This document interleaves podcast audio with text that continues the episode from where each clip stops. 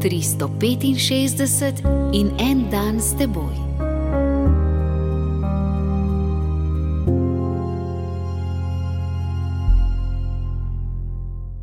Iz knjige Psalmov, 140. poglavje, od 9. do 11. vrstice.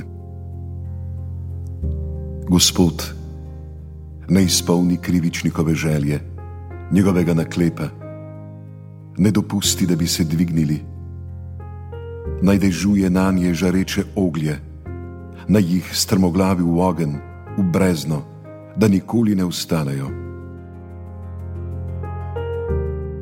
Če bi Bog obstajal, bi kaznoval tiste, ki počnejo hudobije, pravijo ljudje, ki ne verujejo Boga.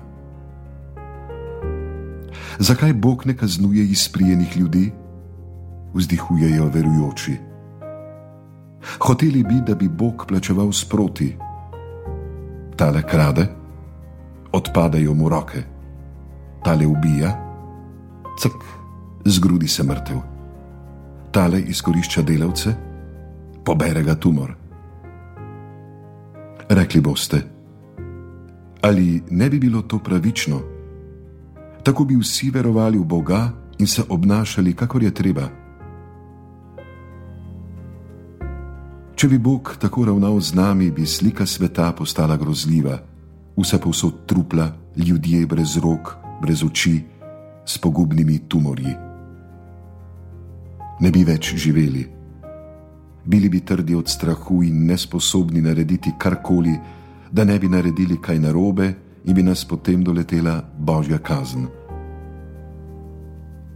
Bog k sreči ve, kaj dela njegovi pravičnosti se ne mudi, ima čas vso večnost.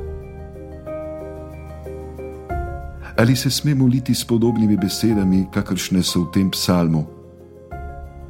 Seveda, Bogu lahko izrazimo vse, kar nam kot ustvarjenim bitjem prihaja na misel. Vendar pripravljeni prisluhniti temu, kar nam govori stvarnik.